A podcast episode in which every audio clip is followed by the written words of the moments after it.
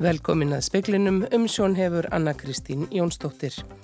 Kona sem misti allt sitt í eldsvoða við Ásbrú í morgun meðtók það ekki þegar hún sá lögurglu og slökkulið að störfum fyrir utan húsið heldur fór einfallega gráta. Hún rekna með því að fjölskyldan þurfi að byrja allt upp á nýtt. Ekkert í framburði mannsinn sem var skotin á blöndósi var til þess að hann fekk stöðu sagbortnings í málinu að sög lögurstjóra. Það hafi aðeins verið gert til að veita manninum meiri réttindi en ella. Til að eldri borgarar geti verið lengur heima þar fjö, segir formaðar samtaka fyrirtækja í velferðarþjónustu, hins vegar sparið það peninga til lengri tíma. Og Liz Truss, verðandi forsættisráð þeirra Breitlands, lofar afgerandi aðgerum til að rétta af efnarlandsins og koma almenningi til aðstóðar vegna síhækandi verðlags á nöðsynjaförum. Íbúi sem misti allt sitt þegar eldur kom upp í íbúðfjölskyldunar við Ásbrú í Reykjanesbæ segir að hún þurfa að byrja allt upp á nýtt. Hún haf ekki meðtekið það þegar hún sá lögreglu og slökkulið að störfum fyrir utan húsitt heldur einfallega farið að gráta. Þetta var hæðilegt að heyra að það kveiknaði út frá eldavélunni að það kom eldur upp frá eldála og kveikt á tveim snúningstökkum á eldavélunni og það öllu því að það bránaði bara allt í húsinu mínu og skemmtist allt og ég þarf að byrja allt upp á nýtt. Svona lýsir Erna Kristín Bjarnadóttir því sem kom upp í íbúð fjölskyldunar við Ásbrú í Reykjanesbæ. Hún segir að morgunin hafi byrjað eins og flestir aðrir morgnar. Klæða börnin, gefa þeim að borða og fara með þau á leikskólan. Þegar hún kom aftur heim, blasti við henni sjón sem líður henni sennilega aldrei úr minni. Slökkvilegi og lögurinn fyrir utan og ég er bara í því líku sjokki, náðu ekki að meðtaka þetta alveg þannig að ég fór bara að gráta að því að ég hef aldrei lengt í slæmu eins og þessu í morgun þannig að mér langaði eiginlega ekkert að vita að þessu að ég þurfi að sjá upp á það að húsið mitt sé bara að brenna. Erna segir að fjölskyldan fái að vera hjá mömmu hennar í nótt og hún reiknar með að þau þurfa að byrja allt upp á nýtt. Það er held ég. Ég er alveg búist við því að það er bara allt hérna ónýtt. Að við þurfum bara ekki að byrja upp á nýtt sem er ræðilegt en maður þarf bara að lifa með þessu mm -hmm. þetta getur gerst við, við alla held ég Sagði Erna Kristín Bjarnadóttir Solveig Klara Ragnarsdóttir talaði við hann á Freyr Gíja Gunnarsson tók saman Maðurinn sem var fyrir skotarás og blöndósi fekk stöðu sagbortnings um leið og hann gaf skýrslu hjá lögreglu. Lögreglustjórin á Norðurlandi Eistra segir ekkert í framburði mannsins hafa orðið til þessa en þetta veit honum betri stöðu en hefðan stöðu vittnis. Ekkert hefur komið fram í rannsókn árásurinnar sem setur málið í nýja stöðu eða breytir ferlinu. Þetta segir Páli Bortósdóttir lauruglustjóru á Norðurlandi Eistra í samtali við frettastofu. Rannsóknin gangi vel, henni miði eins og áallar var og aflað hafi verið fjöldagagna á rýmsum áttum. Þar séu öll máls atvik þessa atburðar skoðuð. Aldragandi málsins, hvernig það hófst og hvað gerðist að morgni 21. ágúst. Páli segir ekki hafi verið tekin önnur skýsla af manninum sem var fyrir skotárásinni. Hann líki enna landsbítalalum og sé veikburða. Þá hafi sonur hans ekki gefið skýslu síðustu daga. Fleiri hafa komið í skýslutöku en Páli gefur ekki upp hverju það eru. Hún segir að gögn úr réttarkrupningu hafi enn ekki borist og því getur lögregla ekki upplýst um dánar orsök árásarmannsins. Eins og framhefur komið hafa feðgatinn báði stöðu sagbortnings en sonurinn er talin hafa ráðið niðurlögum árásamannsins. Aðspurðum hvort eitthvað er framburði föðurins við skýslutöku hafi orðið til þess að hann fekk stöðu sagbortnings, segir Páli svo ekki vera. Honum hafi verið veitt þessi staða um leið og skýslutakan hófst. Það sé vegna stöðu hans í málinu og veiti honum betri stöðu en hefði hann stöðu vittnis. Hann öðlist meðal annars ákveðin rétt á að neyta að tjási frekar hennar vill eða svara spurningum nema með verjanda sér við hlið. Þessi leið sé hefðbundun hjá lauruglu þegar svopir undir. Ágúst Ólafsson sagði frá. Formaður samtaka fyrirtækja í velferðarþjónustu segir það skinsamlegt fyrir hjúkrunaheimili að hafa fjölbreytt úr reði en meira fjármakt skorti. Anna Björg Jónsdóttir, nýr yfirleiknir öldrunarleikninga á landspítalunum, sagði í kvöldfrettum um helgina að ebla þyrti endurhæfingu aldraðra. Ekki þurfi endilega fleiri hjúgrunarými. Marja Fjóla Harðardóttir, formar samtaka fyrirtækja í velferðarþjónustu og forstjóri hrappnistu, tekur undir orð önnubjörgar. Eh, það má ekki heldur gleyma því að, að fjölbreytt úrræðin að hjókunaheimila er hérna eitthvað sem að ég tel bara skynnsamlegt að hérna þau hjókunaheimila sem að geta og vilja fari í. Það er líka spurningum fjölbreytt þjónustu að sé á sama stað. Hjúgrunarheimili veiti ákveðna tegund endurhæfingar að sögn Marju en stjórnendur og starfsfólk vilji sjá meiri og fjölbreyttara endurhæfingu. Til þess að fólk geti búið lengur heima og þurfi ekki að leggjast inn á hjúgrunarheimili þurfi fjö en spartnaður náist til lengri tíma. Og það er oft svolítið erfitt er þetta að horfa til lengur tíma, manni finnst stundum hérna pólitíkinn horfa til skamstíma en að mínum mati og það sem við höfum upplefað innan samtakana er að það er vilji hjá helbriðsáða en það þarf að veita meira fjármagn í geran. Sagði Marja Fjóla Harðardóttir, Ingi Björg Sara Guðmundsdóttir tók saman. Minst 46 letu lífið þegar jarðskjálti skók söðvestur hluta Kína um 5 í morgun á íslenskum tíma.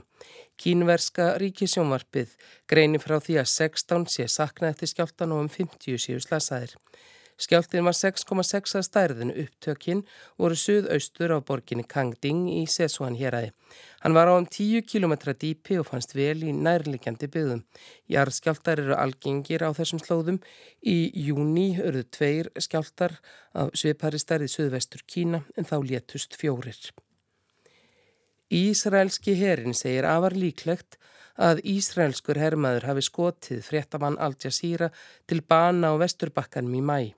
Lögmaður hersins útilokaði þó að hermaðurinn yrði sóttur til saka. Shirin Abu Akleh hafði starfað sem frettamæður Al Jazeera í 25 ár og hafði fjallað um Ísrael og Palestínu um áratuga skeið. Hún var skotin í höfuði þegar Ísraelski herin ríðist á Jenín flótamannabúðurnar á vesturbakkanum þann 11. mæ síðastliðin. Að mati réttar meinarfræðings var hún ekki skotin af stuttu færi. Palestínustjórn veitti Abu Akle ríkis útför degi síðar þar sem þúsundir vottuði henni virðingu sína. Stjórnvöld sökuðu Ísraela strax um morðið og erindrekar hérna ímsu ríkja fóru fram á ítarlega rannsókn á málinu. Ísraelski herin segist nú hafa lokið nokkrum rannsóknum og komist að þeirri niðurstöðum að líklega hafi Ísraelskur hermaður banað Abu Akle. Herin viður kendi þó ekki sög og segir fjölskylda hinnar látnu í yfirlýsingu að það komi ekki á óvart. Málið verður ekki rannsakað sem morð, sagði lögmaður Ísraelska hersins.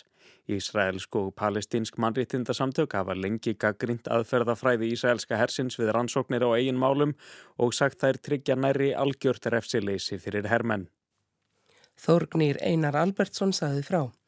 Nýjir kjærasamningar skólastjórafélags Íslands og félagsstjórnenda leikskóla við sambandi íslenskra sveitarfélag voru samþyktir í dag.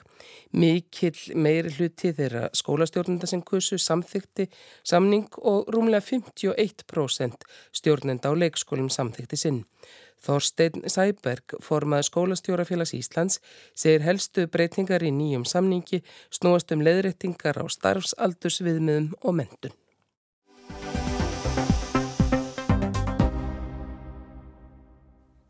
Tilkynnt var í dag um nýjan leðtúabreska íhaldsflokksins og verðandi forsættisráþara landsins.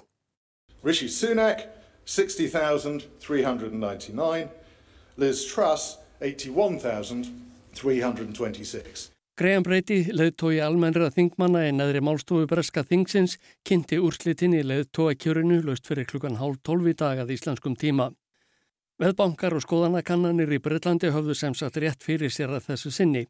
Truss fekk 57,4% atkvaði almennra flokksmanna í íhaldsflokknum, Sunak fekk 42,6%. Liz Truss var að vonum glöði í bragði þegar hún stegi í pontu, þakkaði stuðningin og hvað það heiður að hafa verið valin leiðtói flokksins. It's an honour to be elected as leader of the Conservative and Unionist Party. Þá þakkað hún 1922 nefndinni félagskap óbreyttra þingmanna í halsflokksins formanni flokksins og flokknum sjálfum fyrir að hafa skipulagt vel eitthvert lengsta atvinnu viðtali í sögunni.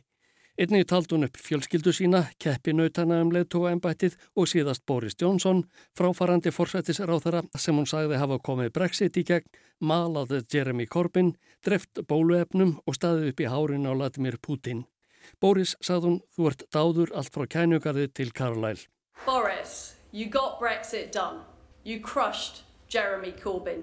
You rolled out the vaccine and you stood up to Vladimir Putin. You were admired from Kiev to Carlisle. Hinn nýjileg tói á verðandi forsættisir á þar að hvaðst gera sér grein fyrir erfileikonum sem brettar standa frammi fyrir um þessar mundir og sagðist ætlaði að leggja fram djarfmannlega áallun á næstunni til að takast á við þá, lækka skatta, fá hagkerfi til að vaksa á ný og taka á síhækkandi verðlagi, sérilagi rekningum vegna húsitunar. Hún hétt því að hún og stjórnennar sem senn verður kynnt ætlaði svo sannarlega taka slægin. My friends, I know that we will deliver, we will deliver, and we will deliver. Ljóst er að verkefnin verða ærin fyrir Liz Truss og stjórnennar. Verðbólga er á uppleið í Breitlandi, efnahagslæð blasir við, verkföll, flottamannaströymur yfir Ermarsund frá Fraklandi, heimastjórnin í Skotlandi sem hyggur á atkvæðagreðslu um sjálfstæði og ný og þannig mætti áfram telja. Málmálana er samt síhækkandi verð á rafmagni og gasi til heimila og fyrirtækja. Kýr Starmer leitói verkamannarflokksins og stjórnar anstöðunar á breska þinginu óskaði Liz Truss til hamingu með sigurinn þegar úrslitin lágu fyrir. Hann notaði einni tækifæri til að skjóta föstum skotum á hana. Starmer sagði meðal annars að landsmenn hefðu heyrt meira frá hinnum verðandi forsætis er á þeirra í sumar um nöðsinn þess að lækka skatta á fyrirtæki en að koma almenning til hjálpar vegna síhækkandi verðlags á nöðsynja vörum. Þetta sagðan að síndi ekki aðeins að hún væri úr tengslum við raunveruleikan heldur stæð hún ekki með hinnum vinnandi stjettum. And that shows not only that she's out of touch, but she's not on the side of working people. Starmer og Liz Truss fá tækifæri til að skiptast á skoðunum í fyrirspurna tíma neðri málstofunar á miðvíkudag. Hún tekur formlega við forsættis ráþæra embættun í fyrramálið eftir að hafa fengið blessun Elisabetar drottningar í Balmoral Kastala í Skotlandi Eftir að Boris Johnson hefur skömmu áður tilkynnt drottningu formlega afsögn sína. Tröss varður 15. fórsættisráþarann frá því að drottning kom til valda árið 1952. Hún er þriðja konan sem gegnir ennbættinu í Breitlandi á eftir Margaret Thatcher og Theresa May. Allar eru þær úr íhaldsfloknum. Liz Truss heitir fullu nafni Mary Elizabeth. Hún er 47 ára, dóttir Johns Truss, fyrirverandi latínuprofessors við háskólan í Leeds og Priscilu Mary Truss, hjúgrunafræðings og kennara sem tók virkan þátt í baráttunni gegn kjarnorkuvapnum á árum áður.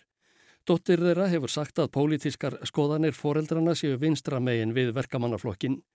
Sjálf starfaði Liz Truss með frjálslinda líðræðisflokknum á námsárunum í Oxford áður en hún gekkir aðir í halsmanna.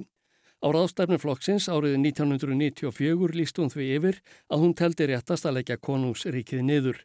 Frjálslindir demokrater triðu af jafna möguleika allra, engin ætti að vera fættur til valda. Trössi giftu Hugh O'Leary endurskóðanda og eiga þau tvær dætur á unglingsaldri. Að frettaskýrenda eru skiptar skoðanir á list Tröss.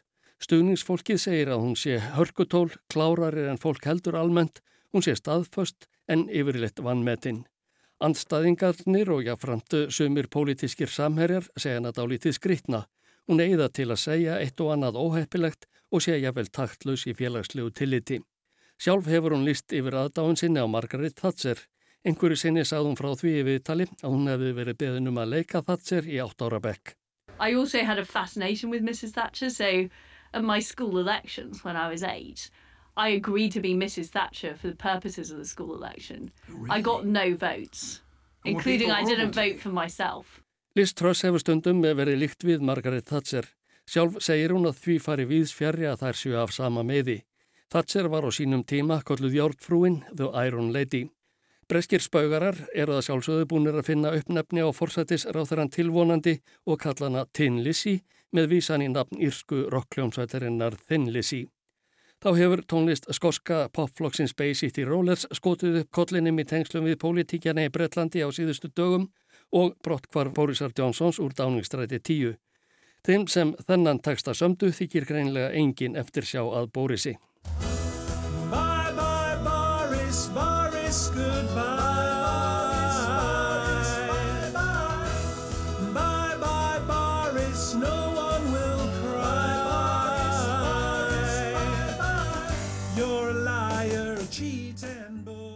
Þarna var sungið um Boris Jónsson, Ásker Tómasson tók saman.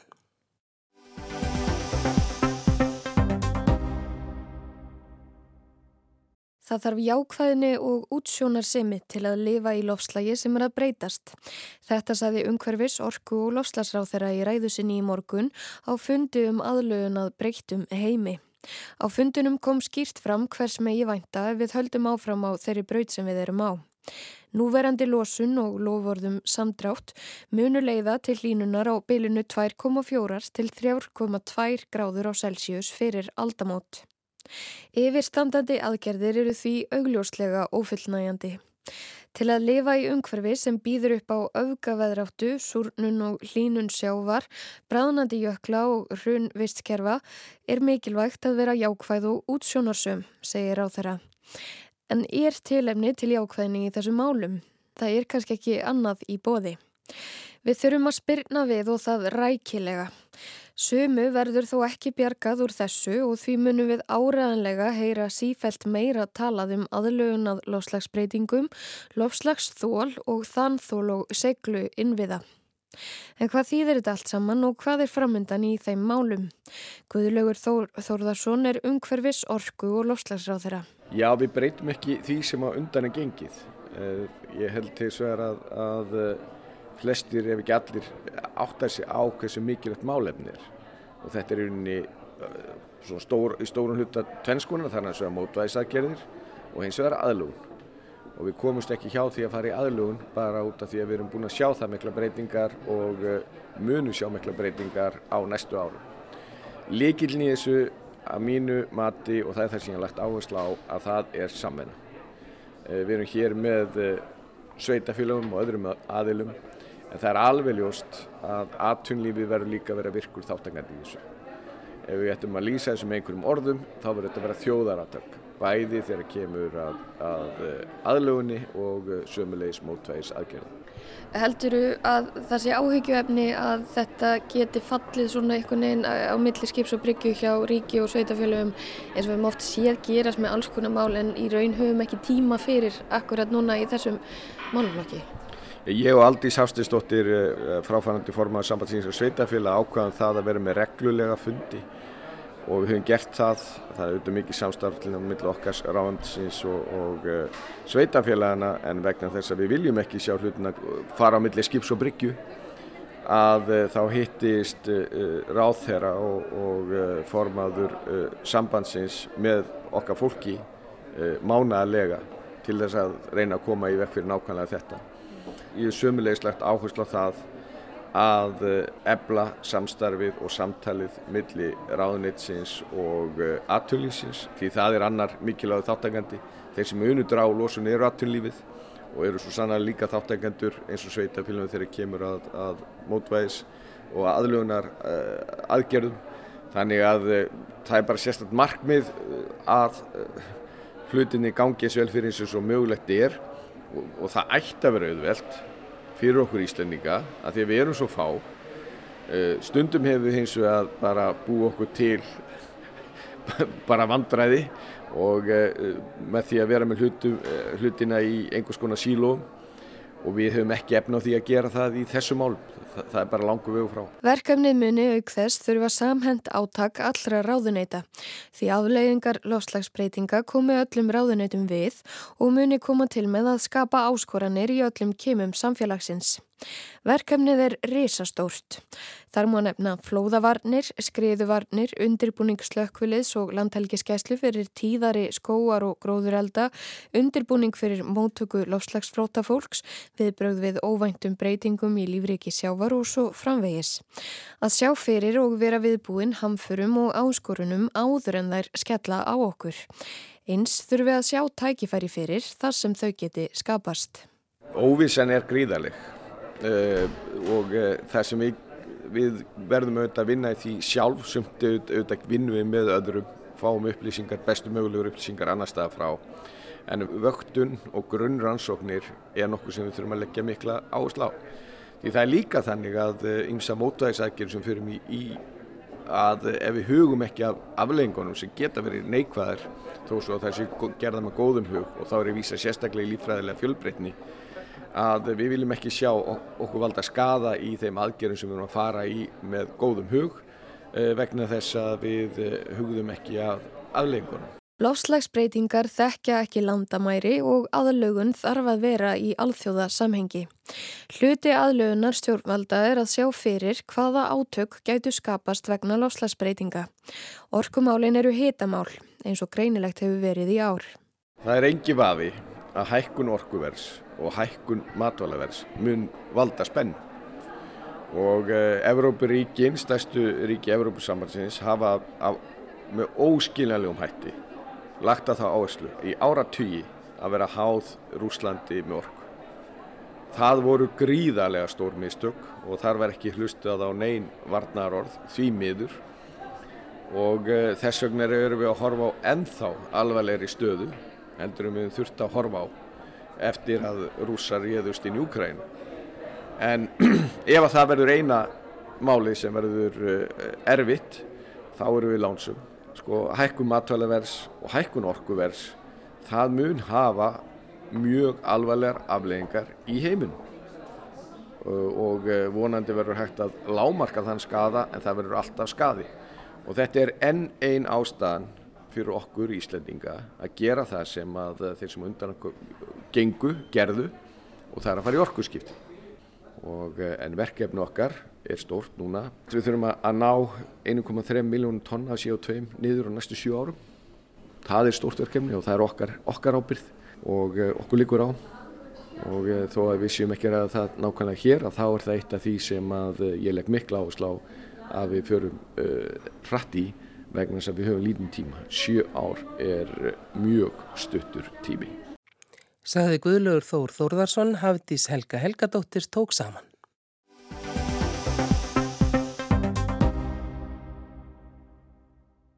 Kvorki ár nýja það næsta verða samarænt próf lögð fyrir í grunnskólum. Menta og barnamálaráðunitið greindi frá því síðustu viku að unnið væri að þróun á nýju námsmatti, matsferðli sem byggðist á fjölbreyttum prófum og verkefnum og ætti að koma í stað stóru prófdagana. Samræmt próf hafi verið lögð fyrir um áratuga skeið en framkvæmdinn hefur ekki verið nökra laus. Í fyrra lendu fjölmargir nýjendubekkingar í vandræðum þá talaðum að prófakerfið hefði ekki ráðið við verkefnið og þremur árum fyrir árið 2018 komu líka upp vandamál. En þessi vandræði síðustu ára hafi verið tæknileg en lengi hefur líka verið rætt um prófin sjálf, tilgang þeirra og áhrif. Rúnar Sigþórsson, professor emeritus við kennaradeild Háskólans og Akureyri, segir að deilur um samvarend próf séu næstum jafn gamlar skildunáma á Íslandi. Og það eru til mjög skemmtilegar deilur frá því kringum 1920 um samvarend námsmatt. Það sem við köllum nú í dagljóðtali samranduprófi núna þau komið til árið 1977 sem svona einhvers konar lokapróf úr grunnskólanum. Svo hafa orðið á þeim ymsar breytingar síðan og kannski stærsta breytingin var nú í tölfar grunnskólalána 2008 þegar að þau voru gerð, þar sé tíundabekjarprófin voru gerð að svona könnunarprófum en áður höfðu þau verið alveg eh, skýrt sko lokapróf í, úr grunnskólanum sem að framhalskólanir notuðu síðan við, við intökum. Rúna segir að þegar framhaldsskólanir hættu að leggja samarænt próf til grundvallar þegar tekið var inn skólana hafi tilgangur prófana orðið annar þau ekki lengur þetta formlega lokapróf. Samræmdum könnaprófum sem hafi verið lögð fyrir í fjórða, sjönda og nýjunda bekk hefur verið ætlað að meta og veita upplýsingar um það hvernig gengur hann á aðal markmiðum, námskrár og hvernig skólakerfið og jafnvel einstakir skólar standa. Þeir sem hafi verið fylgjandi prófunum líta svo á að í þeim felist aðhald og þau hafa gefið upplýsingar um það hvernig skólar standa sig. Og þannig með hafa þau tengst viðleitni stjórnvalda til að, að bæta skólakerfið með ítalegum námskrám og markmiðsetningu og, og mati á þeim. Þeim sem hafa sko, verið anstæðingar þessar að prófa þeir hafa haldið því á lofti að prófinn séu á takmörku til að gefa nægilega fjölbreytta mynd af skólastarfinum. Það er svo margt sem er ekki hægt að prófa og svo hafa prófinn náttúrulega heldur aldrei verið í öllum greinum og þar með hafið þau beint aðtikli kennara og skóla að því sem hægt er að prófa á kostnað annar sem ekki er hægt að prófa og sem hefur aftur leitt til þess að það er sé farið að kenna fyrir prófin. Svo hefur verið eh, dreyið fram líka að prófin valdi kvíða og streitu hjá nefendum, séu svona röskun á skólastarfi, komi svona illa við þá sem að standa einhvern veginn höllum fæti í námi og samrýmist illa því sem er kalla uh, skóla eða mentun fyrir alla eða mentun og nagreiningar og sé eiginlega ekki svona sangjöld nema þá bara á yfirborðinu. Það er mikilvægt að afla upplýsingum um skólakerfið en spurningin er hvernig það er gert og rúnar telur að gera verð þá kröfu að það raski ekki námi nefnda. Svo verður náttúrulega líka að gera þá kröfu að, að niðurstöðuna séu réttmættar þar að segja að það er endur spekli þá almennt einhverja framistöðu í skólakerfinu ekki bara í sumum greinum eða greinasviðum og í þriðalegi verður svo náttúrulega að spurja sko, hvað er síðan gert við þessa niðurstöðu, hvernig er það hagnýtar og gaggrínin hefur kannski beinst svolítið að því að í fyrsta lagi að prófin raski námi ne nefnda þau séu svona tröflun á skólastarfinu og þau beini aðtiklinni að ákveðnum þáttum í skólastarfi á kostnað annara sem er ekki prófað úr Og svo náttúrulega þetta að prófin hafa aldrei verið í öllum greinum og ekki í öllum námsþáttum í þeim greinum sem að prófaðir úr. Þannig að það þyrti þá að finna einhverja leið til að svona upplýsingu öflun stjórnvalda endur spekli námskarána í heild og svo það náttúrulega þá að hagnýta að gera eitthvað við niðurstöðunar ef á að vera einhvers verið afleðina. Eitt deiluefni hefur verið hvort og hvernig er að byrta niðurstöður. Rúnar segir margt neikvægt við byrtingu, hún geti ítt undir samkeppni og óréttmættan samanburð. Ef að mentakerfið er fyrst og fremst að hugsa um að afla upplýsingar sem að hægt er að nýta til umbóta, þá er að sjálfsögðu ekkert að því að láta þær uppi í almennum niðurstöðum en ég er nú sjálfur þeirra skoðunar að byrta niðurstöður og framistöðu einstakra skóla sé ekki hjálplegt eiginlega fyrir nefn. Og ímislegt getur gert samanbörðin vafa saman. Og ég nefni til dæmis mjög miklu umræðu sem er eiginlega alveg jafn gömul samnönduprófunum um svo kallan landslutamun á milli skóla þar að segja landsbyggðin eða landsbyggðirnar eh, komi ver út úr samnönduprófunum heldur en aðrir. Líka kynjamun í þessu sama samhengi Og svo erum við ekkert sammálum þess hvernig ber að tólka þetta. Sko, þetta hefur löngum verið tólkaður sem landsbyggðamunur en svo er aftur aðrir sem að hafa haldið fram að þetta sé raun og veru ekki munur milli landsbyggða, heldur munur milli þjóðfélagshópa. Og það getur vel verið að sko, skólar hafi ekkit endilega sömu forsendur til þess að koma vel út úr prófunum og það sé settur einhver stimpill á skóla sem þeir eiga alls ekki skilið ef að þeir koma ekki nægilega vel út í þessum samanburði. Segja máðu ofinbært prófakerfi geti gagnast nefnendum sem endurgjöf en þá líka gagnast skólakerfinu. Það er svo alveg spurningin sko, sko hvernig gengur að láta þetta fara saman. Má velta því fyrir sér hvort að þessi breyting sko mundi veikja upplýsingaöflun fyrir skólakerfið Ég held að það sé til bót að færa þetta kerfi sko nær skólanum og nefndunum og reyna að gera það þannig úr gardi að það nýtist þeim. Hins vegar held ég sko að prófa kerfi sko hversu ítalegt og, og vel útfært það er nú. Það nægi ekki eitt og sér. Ég held eins og er að svona próf þurfa að vera liður í miklu viðtakara mati og rannsóknum á framistöðu í skólakerfinu. Sagði Rúnar Sigþórsson. Og veðurhorfur eru þær að það verður hæg breytileg átt og víða létt skíð, all víða þokuloft við norður og austurströndina í nótt og á morgun, hýtabilinu 10 til 20 stegi við daginn og hlýjastinn til landsins. Fleira er ekki í speklinum í kvöld, tæknum aður í útsendingu var Kormákur Marðarsson veriði sæl.